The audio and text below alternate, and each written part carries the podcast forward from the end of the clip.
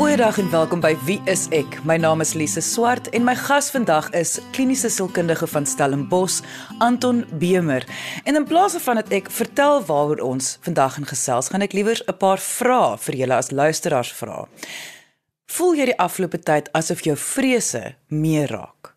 Voel jy die afgelope tyd meer bekommerd? Kan jy agterkom dat jou slaappatroon of jou eetpatroon is besig om te verander?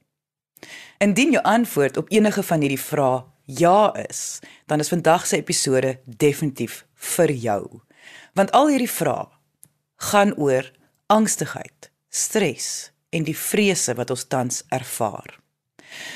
Anton, ek dink ons moet begin by die heel begin. Kan jy vir ons verduidelik presies wat is angs? Lise, angs is 'n term wat maklik gebruik word want ons praat baie keer van ons vrese, ons bang wees vir sekere dinge.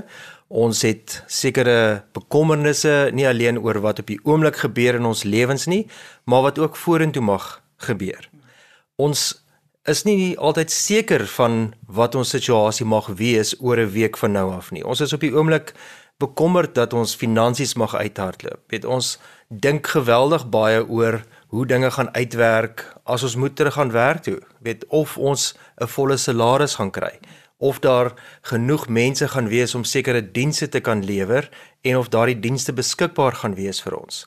Ons is bekommerd oor ons kinders, weet as hulle sukkel met emosionele probleme of dit depressie is of hulle sukkel met spanning by die huis of terug moet gaan skool toe weet daardie onsekerhede wat daarmee saamgaan skep by ons 'n afwagting dat daar dinge kan verkeerd loop. En angs is basies dit, ons wil onsself voorberei dat dinge miskien kan verkeerd gaan.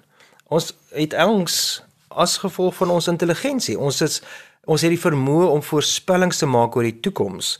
Maar as jy geneig is om die vrese raak te sien, is daardie voorspellings in die meeste gevalle negatief. So ons verwag dat daar iets slegs gaan gebeur.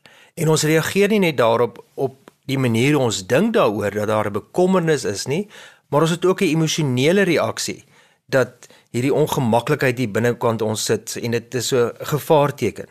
En dan is daar natuurlik die fisiese deel daarvan. Ons ons is nie net in ons kop en ons kom ons sê maar hart bekommerd nie. Ons liggame reageer ook dat dit ons gereed maak dat as iets verkeerd gaan, dat ons daarteen kan opstaan. Soos ek nou na jou luister, besef ek daar is tog ook 'n positiewe daaraan om angs te ervaar. Dit is nie net negatief nie. Kyk, baie keer word daar gevra wat is die verskil tussen angs en stres? Nou stres is is eintlik wat jy sê, dis die positiewe deel. Dit is dit wat ons aktiveer om aan die gang te kom om iets te doen. Daar's 'n sekere eindstreep wat ons moet bereik. Daar's 'n deadline wat iets klaar gemaak moet word. En daai stres aktiveer ons wanneer daar 'n spesifieke doelwit wat bereik moet word. Ons kan nie net terugsit en ons handjies vou en oor ons skouer loer en na die voeltjies daar buite luister nie. Ons moet aan die gang kom. Ons moet iets doen. En in daardie opsig is stres baie goed want dit help ons om om die sleutel te draai om die masjien aan die gang te kry dat die motor kan ry. Die probleem is as ons onder langdurige stres is, as ons hierdie hierdie bang gevoel vir 'n lang tydperk in onsself saamdra, dan begin dit ons fisiese gesondheid affekteer. Dit affekteer hoe ons dink oor die wêreld daar buitekant en dit kan ons ook depressief maak. Net vir duidelikheid, wat is die verskil tussen angs en stres? Wel, stres is daardie ding. Daar's 'n spesifieke trigger, daar's 'n spesifieke uh iets wat gedoen moet word en en dit is hierdie opbou van energie amper wat sê ons moet dit nou doen. OK. Angs is 'n baie meer problematiese ervaring want ons kan nie noodwendig altyd sê ons is bang hiervoor nie of hierdie slegte ding gaan gebeur en en ons is seker dit gaan gebeur en en daarom word ons nou self opgewerk binnekant onsself. Angs kan baie meer oor die algemeen net iets wees wat ons onrustig maak. Ons weet nie altyd wat dit presies is nie. Maar dit het hierdie Ek sê altyd 'n driehoek waarop dit werk. Dit dit beïnvloed hoe ons dink, dit beïnvloed hoe ons voel en dit beïnvloed ook ons optrede. En wat angs dan doen, dit dit dit het 'n meganisme in die brein wat inskop en dit help ons liggaam om reg te wees. En ons praat van fight or flight, veg of vlug. En daardie reaksie is natuurlik baie noodsaaklik indien daar 'n werklike gevaar is. Maar die liggaam stel dan 'n kombinasie van hormone vry. Ons praat van kortisol, ons praat van adrenalien en dit skep natuurlik dan 'n uh, gereedheid, 'n fisiese gereedheid om iets te doen. Maar die probleem is as daar nie 'n gevaar is nie, dan sit ons met al hierdie opgewerkte energie in onsself, hierdie fisiologiese veranderinge wat plaasvind. Maar ons kan niks daarmee trend doen nie want daar's niks om teen te veg nie en daar's niks om teen te vlug nie. Kom ons vat byvoorbeeld as iemand op die oomblik erge finansiële probleme ervaar. Hoe veg mens daarteen? Jou werkgewer kan vir jou sê maar hulle het nie op die oomblik vir jou werk nie. Jou projekte waarmee jy op die oomblik mee besig was, gaan nie voort nie. Kom ons sê die boubedryf staan stil. Nou kan jy nie fisies gaan werk nie. En met ander woorde, daar's nie iets wat jy kan veg om dit anders te maak nie en jy kan ook nie regtig weghardloop daarvan nie, want die realiteit daar buite kan staan stil. So met ander woorde, dit is amper 'n toekomsgerigte emosie wat jy ervaar wat nie altyd realisties gaan wees nie en soos jy nou gesê het, jou brein gaan geneig wees om dit amper altyd 'n negatiewe gevoel te maak. Absoluut. En hoekom ervaar ons dit? Meeste mense het ervarings deur hulle deur hulle lewens gehad wat hulle meer sensitief maak vir angs. Dit kan traumatiese ervarings wees, daar't slegte goed by die huis gebeur. Jy het intense emosies ervaar omdat jy iets waargeneem het in die verlede. En en dit bou 'n sensitiwiteit by jou op want jou brein onthou daai dinge wat gebeur het en dit wil daarom seker maak dat indien dit weer gebeur, dan is jy reg daarvoor. So daardie agtergrond waar, waar waar jy vandaan kom, maak jou met ander woorde baie meer ingestel op subtiele tekens dat dinge miskien kan verkeerd gaan. En dis nie net dinge daar buitekant nie, dit is ook binne jouself. Weet jy jy word wakker en jy het 'n sekere fisiese sensasie in jou liggaam en jy is onseker wat dit is. En nou begin jy jouself bekommer Is dit dalk nie 'n hartaanval nie? Is ek nie besig nou om hier 'n beroerte te kry nie? Is dit nie noodwendig dat ooh, ek weet nie wat dit is nie. So dit kan iets baie aakligs wees, maar maar omdat jy nie weet nie, maak mens allerlei afleidings en dan verkeerde afleidings. En soos jy sê, dis is onrealisties. Want wel, dinge gaan verkeerd. Maar so baie kere is dit nie die dinge wat ons verwag nie. Jy luister na Wie is ek op RSG 100 tot 104 FM. Dit wil vir my so half neerkom op 'n tipe beheerprobleem wanneer dit kom by angs. Dis asof iemand voel hulle wil beheer uitoefen op hulle toekoms of dit nou realisties is of nie. Beheer is 'n belangrike woord in hierdie gesprek want niemand van ons wil buite beheer voel nie. Niemand wil buite beheer van hulle omstandighede voel of hulle finansies of oor hulle liggaamlike welsyn of hulle emosionele welsyn nie. En sodra ons begin buite beheer voel, dan is hierdie angsigheid daar om vir ons te sê hier mag 'n probleem wees ons het nie nie een van ons het beheer oor ons toekoms nie. Daar kan slegte dinge in die toekoms gebeur. Verseker, niemand van ons kan dit ontken nie. Maar ons kan so ingestel raak op sekere verkeerde dinge wat kan gebeur dat ons heeltemal perspektief verloor van ons huidige omstandighede of selfs moeilike tye in die verlede wat ons nie alleen deurgemaak en oorleef het nie, maar soms ook sterker daar uitgekom het. Baie mense wat nou luister gaan voel Anton dat genigtig het ons nie al genoeg waaroor ons moet bekommer dat ons nou nog moet bewus wees hiervan ook nie. So met ander woorde kan jy dalk net vir ons verduidelik hoekom is dit baie belangrik dat mense hierdie moed in ag neem?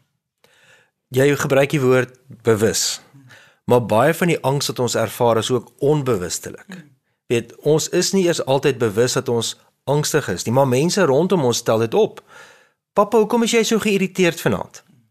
Dan kom ek agter maar ek is dalk gespanne omdat ek nie seker is of al my debietorders volgende maand gaan afgaan nie. Mense kom agter jy onttrek meer. Hoekom het ons jou so lank lank gesien en dis nie net die inkorting nie, dit is omdat jy mense nie meer bel byvoorbeeld nie want jy onttrek, jy vlug. So dit is die onbewuslike gedeelte wat mens ook in gedagte moet neem. Nou ek hoor wat jy sê Lise dat hoekom moet ons nog hiervan ook bewus wees? Mm. Wel, die eenvoudige rede is dit is sleg vir jou op die langtermyn om met hierdie angs saam te loop. Kyk, soos ek gesê het, die angs verhoog sekere uh, prosesse in jou liggaam. Dit dit verhoog jou hartklop, jou bloeddruk gaan op. Jou sentrale organe soos jou hart en jou longe werk harder. Jy haal vlakker asem. Een van die interessante dinge is dat jou uh, pupille in jou oë raak groter want jy moet nou gevaar waarneem indien dit daar sou wees en ons is so geprogrammeer. Dit is van die begin van die mens om so. Maar as jy dan skerper fokus op sekere dinge hier voor jou, dan verloor jy ook die visie uh, op die periferie, op die op die uiterste van die kante van jou gesig. En dit maak dat jy dan 'n klomp dinge nie raak sien nie of letterlik die groter prentjie nie kan raak sien nie. So jy kan so fokus op jou bestuurder wat so kwaai en ongeskik is dat jy nie raak sien dat jou ander kollegas eintlik baie omgee vir jou nie. Of jy kan so fokus op die klein stampie op jou kar wat jy nou gedoen het en jy voel baie kwaad vir jouself daaroor, maar eintlik in die groter prentjie, die res van jou kar is fantasties. Jy het nou net daai een keer iets gedoen wat 'n probleem veroorsaak het. So ons nie net fisiese visie nie, maar ek wil amper sê jou emosionele uitsig op die lewe raak baie meer ingeperk as gevolg van die angs. Want dit wil seker maak indien daar gevaar is of dit nou realisties of irrasioneel is. Ons wil gereed wees daarvoor. So met ander woorde, dit kan nie net eintlik 'n fisieke gevaar vir jou wees nie. Dit kan ook veroorsaak dat jou lewenskwaliteit, jou lewenservaring baie meer negatief gaan wees as wat dit eintlik realisties is verseker. So kom ons werk weer met die driehoek, hoe jy dink, hoe jy fisies en emosioneel voel en hoe jy optree. Jou emosionele, jou fisiese ervarings gaan op die langtermyn vir jou sleg wees want jy mag depressief raak. Maar fisiologies As jy nou daaraan dink, as jy angstig is, jy half vlakker asem, jy kry eintlik minder suurstof in jou liggaam. So dis ook nie fisies goed vir jou nie. As mens dink aan die denke, Nou lê jy in die aande wakker en jy dink oor goed. Oor en oor en oor. En wat doen jy volgende die volgende aand? Jy dink aan dieselfde goed oor en oor en oor en dan weer. En daai denkproses kry jou nie regtig by 'n oplossing nie. Want as dieselfde is 'n marmot in 'n wiel, dit hardloop om en om en om, dit kom nie regtig by 'n punt uit nie.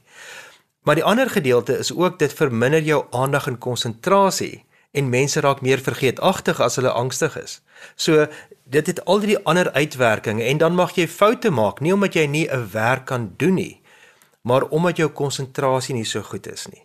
En dan voel jy verleë jou selfvertroue neem af en dan is jy ook minder geneig om jou hand op te steek as daar iets gedoen moet word. So jou kwaliteit van lewe neem af. Jy is dan soos ek net nou gesê het meer geïrriteerd want jy is nou in hierdie veg of vlug toestand. Nie omdat jy dit kies nie dit gebeur absoluut outomaties En dan kom mense agter maar dis nie so lekker om met Anton te praat nie want hy is die hele tyd geïrriteerd.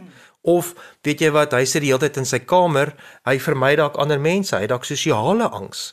So angs kom in al hierdie ander forme ook na vore, maar dit is die basiese selfde prinsip wat geld. Ons wil onsself verdedig, maar ons weet nie altyd waar teen nie. En dan as mens al hierdie faktore in gedagte hou, beteken dit dat as jy jou toekomstige realistiese probleme wil oplos, dan gaan jy jou angs moet aanspreek. Dit verhinder jou om dinge effektief te doen en af te handel.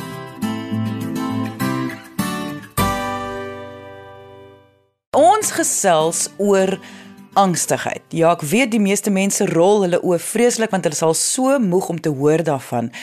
Maar in hierdie tyd, indien jy realistiese probleme wil oplos soos finansies, beroepe, jou toekoms, jou gesin se toekoms, is dit die nommer 1 probleem wat heel eers aangespreek moet word om jou probleme effektief op te los.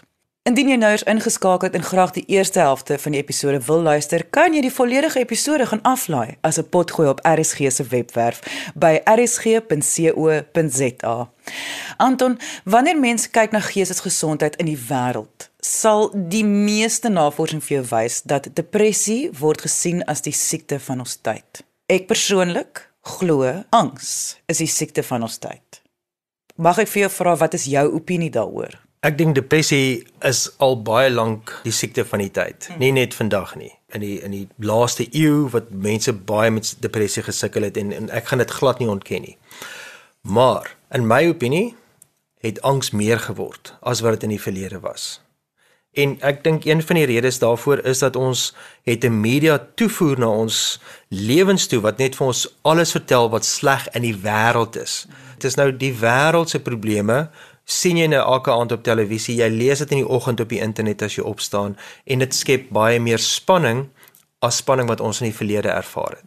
In my kliniese ervaring kom ek ook baie keer agter dat mense kom aanmeld met 'n probleem van depressie. Maar as mense dit opbreek en ek vra vra, dan kom ek agter daar is eintlik 'n onderliggende angs dinamika wat uitspeel saam met die depressie en in baie gevalle, nie altyd nie, maar ek wil sê in die meeste gevalle was angs daar voor die depressie kom kuier het. En en dit maak dit 'n baie moeilike dinamika want as jy natuurlik die hele tyd hierdie opgewerkteheid voel in jou liggaam, raak jy fisies moeg.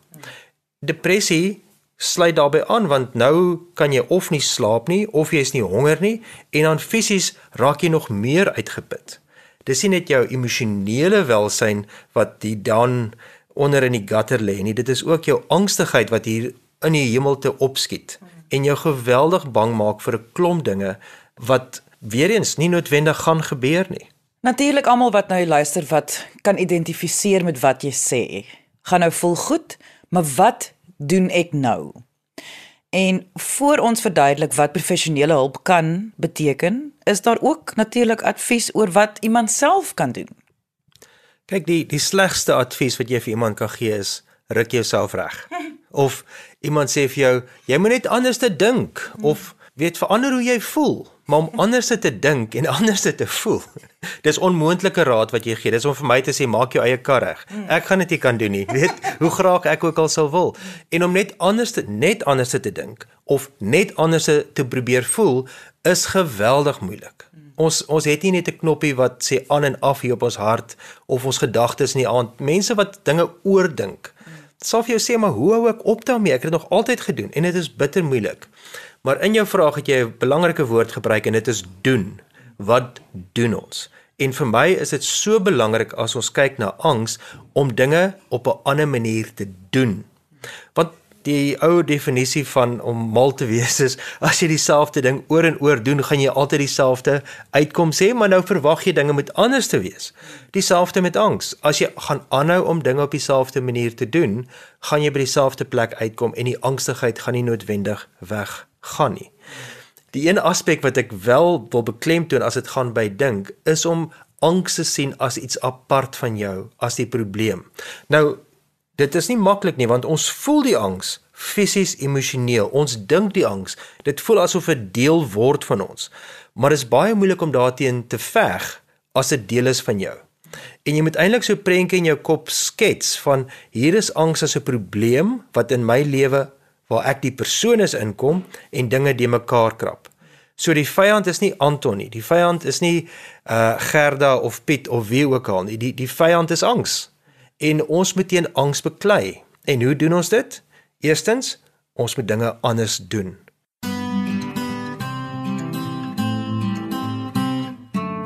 Angs sê vir ons veg. Angs sê vir ons vlug. Angs sê vir ons dis gevaarlik daar buite. Natuurlik is daar gevare daar buite, maar as ons die hele tyd veg of vlug, gaan ons regtig nie baie aangename mense wees nie. So ons het nodig om dinge te doen wat goed is vir ons. Ons het nodig om te sê, "Oké, okay, ek is nou bang vir ander mense, maar om myself die hele tyd in my kamer toe te sluit, gaan niks verander nie. Ek gaan net banger word met tyd." Ek het nodig om uit die huis uit te kom en al dra ek net my gesigmasker 'n bietjie hoër en hoef ek nie mense in die oë te kyk nie. Dis fyn. Maar ek kan vir myself bewys ek kan dit doen om oefening te kry. En ek ek weet ek lê baie klem daarop maar dit gee vir jou liggaam nie alleen meer suurstof nie, jy verbrand nie alleen spanning nie, jy kom ook buitekant en jy's in 'n ander omgewing. Jy sien dinge van 'n ander oogpunt uit om dit te doen. Derdens, asemhalingsoefeninge. Weet, dit dit klink dalk baie eenvoudig, maar net om te fokus op jou asemhaling. Diep asem in te trek en rustig uit te blaas en dit te oefen. Want onthou om dinge een keer anders te doen of twee keer gaan nie 'n verskil maak nie. Dit gaan wees om dit in te oefen soos mens enige nuwe aktiwiteit oefen. En asemhaling het ons almal tot ons beskikking. As jy dit nie het nie, het jy 'n groter probleem.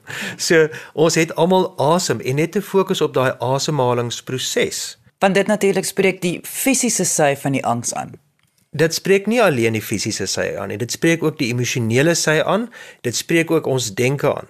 Want as jy jou aandag so fokus op daai asemhaling en die hele tyd as daar ander negatiewe gedagtes kom, dit is om te sê, okay, hierdie gedagte kom nou soos 'n donker wolkie ingedryf, maar hy kan nou maar net weer wegdryf.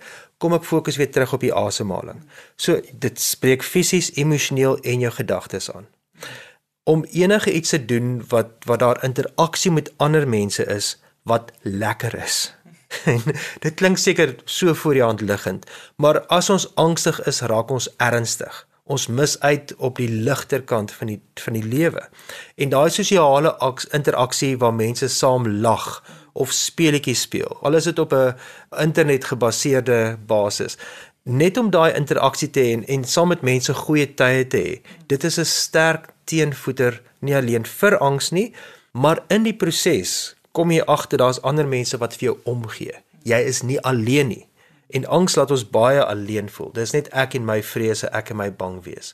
So daai ondersteuningsnetwerk wat ander mense vir jou bied, die omgee wat jy vir mekaar wys, maak ons sterker teen angs. Veral as jy in die verlede mense gehad het wat baie krities en negatief op jou was, wat wat nie vir jou die ondersteuning gegee het nie, wat afwesig was. En nou is daar mense wat omgee. Jy luister na Wie is ek op RSG 100 tot 104 FM. En ek sou aanneem dat indien jy nog steeds voel daar is nie mense om jou wat omgee nie, dat jy vir hulle dan moet gaan soek. En dis seker nou die een voordeel is dat die internet het daar duisende groepe en plekke waar 'n mens kan wel ondersteuning kry en positiewe ondersteuning kry. Met ek as sielkundige sal altyd aanbeveel gaan praat met iemand. En as jy met 'n sielkundige kan gaan praat of self 'n psigiater, is dit baie goed. Maar dit is op die oomblik moeilike tye. Ons kan dit nie almal doen nie. As jy 'n goeie vriend het, iemand wat jy vertrou, gaan praat met daardie persoon. Indien dit nie alles moontlik is nie, daar is staatsklinieke en hospitale. Gaan klop daaraan. Dis nie dat daar nou op hierdie stadium die leksheid het om om rond te soek nie, want ons almal gaan deur finansiële moeilike tye. Maar jy het nodig om iewers te hulp te kry as hierdie angs jou so oorweldig dat jy nie kan doen wat jy moet doen nie. Asof dit vir jou voel asof die toekoms nie meer daar is nie. Dan het jy nodig om hulp te kry en jy het nodig om 'n deur te kry waar jy gaan klop en vir iemand sê help my asseblief hiermee. Hierdie angs is besig om my lewe oor te neem en ek nie alleen kry nie kwaliteit van lewe nie, ek voel asof ek nie kan lewe nie. In hierdie tyd kom ek agter hoe mense voel my probleem is nie erg genoeg om professionele hulp te kry nie. So vir diegene wat wel dink daaraan, miskien moet ek professionele hulp kry. Wat kan hulle verwag van professionele hulp? Kyk, as jou klein seentjie of dogtertjie 'n verkoue het, gaan jy waarskynlik baie vinniger vir hulle by 'n dokter uitkry as wat dit 'n volwasse is. Want jy wil seker maak dat daar nie iets ergers is nie en hoe vinniger mense dit kan aanspreek, hoe beter. Dieselfde met sielkundige probleme. Hoe vinniger mense dit aanspreek, hoe beter op die lang termyn. En as jy by iemand gaan aanklop, gaan daardie persoon vir jou vra vra oor jou ervarings in 'n privaat, vertroulike omgewing. Jou probleme gaan nie uitgepraat word nie. En as dit 'n psigiater is, gaan medikasie oorweeg word. As dit 'n sielkundige is, gaan ons kyk na terapie om jou te help eerstens om daardie probleme te verstaan, tegnieke om jou probleme te bestuur En natuurlik altyd gaan daar 'n lewenstyl komponente ook wees. Weet wat is die dinge wat jy doen wat nie help nie om daardie aan te spreek. So weer eens is daar 'n kombinasie van verstaan, die kognitiewe, die denk, die doen gedeelte altyd so belangrik en dan om te sê, weet jy wat, hierdie dinge kan verander word. Ek dink nie mense moet uit die oog uit verloor dat daar altyd 'n hoop komponent ook is nie. Dit is om te sê jou lewe hoef nie vir altyd so te wees nie. Jy hoef nie 'n slagoffer van angs te bly nie, want ons kan dit verander. Dit gaan dalk nie maak dat jy die mees rustigste mens ooit is nie, maar dit hoef ook nie te wees dat angs jou so domineer dat jy nie kan doen wat jy graag wil doen en die mens wees wat jy graag wil wees nie. Dit was Anton Bemer, kliniese sielkundige van Stellenbosch. Indien jy enige vrae het oor vandag se onderwerp, kan jy ons kontak deur ons webwerf by www.wieisek.co.za of kom gesels saam op ons Facebookblad onder wieiseksa. Ons het ook nou weksdae live gesprekke op hierdie Facebookblad. So kom gesels saam. Baie dankie dat jy vandag ingeskakel het. Ons maak weer so. Volgende Vrydag 12:30 net hier op RSG. Jy moet 'n heerlike naweek hê en onthou, kyk mooi na jouself.